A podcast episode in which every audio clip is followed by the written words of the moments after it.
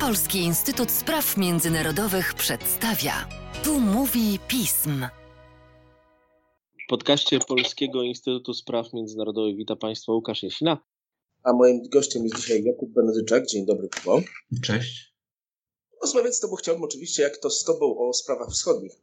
Choć oczywiście są bardzo różne wschodnie sprawy. Pandemia udowodniła nam, że inwigilacja obywatela może stać się łatwiejsza. Ta inwigilacja może stać się również łatwiejsza w Rosji. Opowiesz nam trochę o tym? Mm, myślę, że są dwie grupy takich środków represyjnych, które zostały wprowadzone w czasie pandemii. To znaczy, no jedna to jest taka, bym powiedział, klasyczna, czyli zwiększenie y, kontroli obywatela, ale również poprzez środki w postaci ograniczania jego poruszania się, y, y, meldowania, ale przede wszystkim wprowadzania od tyłu ustaw, które normalnie pewnie wywołałyby jakąś reakcję bądź e, sprzeciw społeczny i dotyczy to głównie zwiększania uprawnień policji, czyli liberalizacji użycia broni oraz zwalniania policjantów z odpowiedzialności karnej w ramach wypełniania swoich obowiązków. No, czy też e, dalszego wprowadzania ustaw, które ograniczą działalność organizacji pozarządowych finansowanych ze środków zagranicznych. Przypominam ustawę głośną z 2012 roku, gdzie organizacje pozarządowe, które korzystają ze środków finansowych, muszą się same nazywać zagranicznym agentem. I oczywiście spotykają szereg uprawnień w związku z tym w ramach administracji, bo są częściej kontrolowane przez służby podatkowe, służby FSB i tak dalej. I w związku z tym to może jeszcze bardziej uprawić, a jeżeli ustawa by przeszła w takiej formie, w jakiej w tej chwili jest procedowana, no to w ogóle takie organizacje jak Amnesty International zagraniczne, w ogóle zagraniczne znikną z Rosji. I to jest pierwsza grupa, którą nazwałbym tradycyjnie. No i druga no to jest coś, co mm, my znamy albo z powieści Orwella, albo, albo z takich filmów jak Raport Mniejszości, no czy już bardziej współczesnych seriali, czyli o tak zwaną cyfrową inwigilację mm, obywateli, czyli kompilowanie danych w tak zwanym big data, w, w, w kodach kreskowych, konieczność e, zgłaszania się przez aplikację i możliwość kontrolowania władz przez jedną aplikację mm, swoich obywateli. No i oczywiście najważniejsze z nich to jest rozbudowa systemu kamer przemysłowych wyposażonych w sztuczną inteligencję, które e, mają wmontowane programy, algorytmy właściwie oprogramowanie zdolne rozpoznawać chociażby nietypowe zachowania e, w tłumie.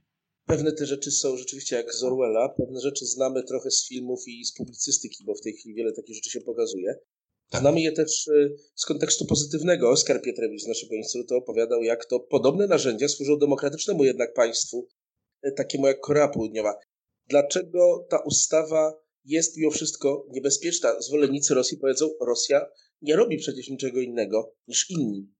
Ja myślę, że jeżeli y, aktualne są słowa Czadejewa, że Rosja pokazuje innym krajom, jak nie powinny żyć, no to, mm, to, to, to jest między innymi ta sfera, bo oczywiście inne państwa, również demokratyczne, takie jak Francja, korzystają z niektórych technik wykorzystanych przez Rosję, a przede wszystkim Chiny, bo to można powiedzieć, że Rosja wzorowała się na Chinach, gdzie ten system jest jeszcze bardziej zaawansowany ja myślę, że wprowadzanie tych środków kontroli, bo to jest zawsze tak, że każda władza, nawet władza demokratyczna, jeżeli tylko pojawia się poletko, żeby zwiększać swoje uprawnienia, to ona to robi i oczywiście demokratyczna władza bardziej kontrolowana po pandemii będzie się z tego wycofać, chociaż zadaniem mediów społeczeństwa obywatelskiego mm, e, jest kontrolowanie, aby stało się to w pełni albo w jak największym zakresie.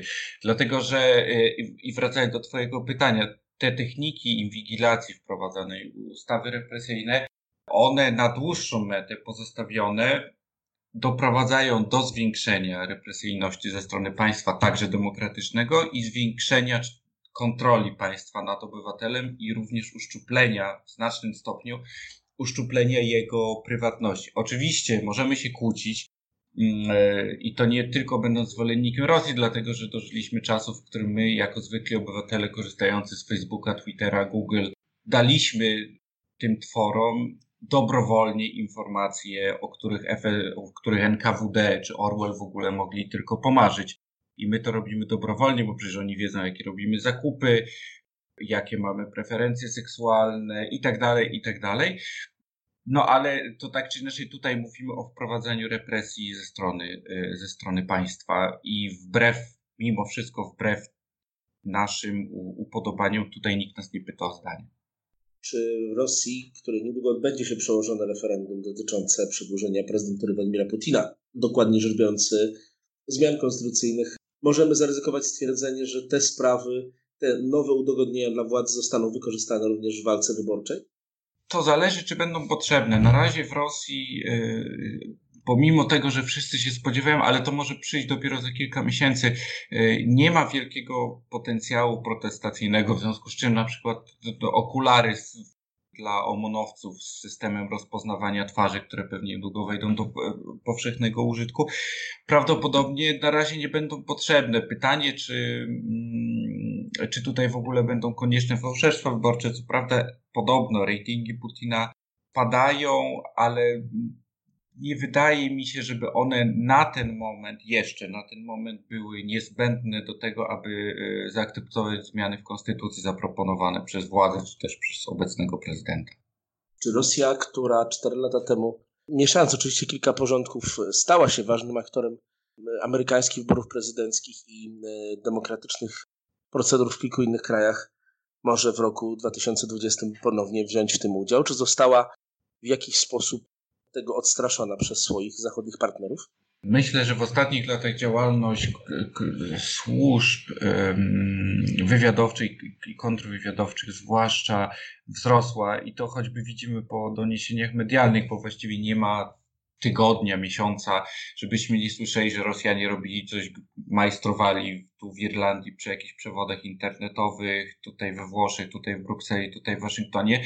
Oczywiście te informacje nie dostają się do prasy tak deus ex machina, tylko muszą skądś pochodzić, a oczywiste jest, że z tym pochodzą, pochodzą ze służb y, europejskich y, czy też amerykańskich. Nie jestem specjalistą systemu amerykańskiego, ale domyślam się i, i, i, kontrwywiadowczego w zakresie, e, e, w zakresie tej cyfrowej, informatycznej, ale no, skoro wzrosła w takiej tradycyjnej aktywności, to podejrzewam, że tak. Rosjanie oczywiście e, będą próbować, ponieważ Rosjanie, podobnie jak Chińczycy zresztą, zawsze oni nie generują tych procesów od zera, tylko zawsze przyłączają się do procesów, które już istnieje. W związku z tym, jeżeli na przykład obserwujemy ogromną polaryzację w Stanach Zjednoczonych, no to Rosja nie jest w stanie wykalibrować wyboru Amerykanów na tego czy innego kandydata, ale jednak jest w stanie wprowadzać chaos i wykorzystać tendencje korzystne dla siebie, korzystne z takiego punktu widzenia, aby osłabiać swojego przeciwnika. Pozostaje nam więc mieć nadzieję, że zachodnie służby są albo tak samo dobrze przygotowane, albo jeszcze lepiej, choć to jest rzecz, która nas też denerwuje, bo demokracje wchodzące w tego typu działania nie wyglądają jednak najlepiej. Kubo, będę Ci bardzo wdzięczny za obserwowanie tej kwestii. Może po referendum jeszcze sobie o tym porozmawiamy, a na razie bardzo Ci dziękuję za przybliżenie tej trudnej tematyki. Życzę Ci dużo zdrowia dziękuję. i małej inwigilacji. Dziękuję bardzo, do widzenia.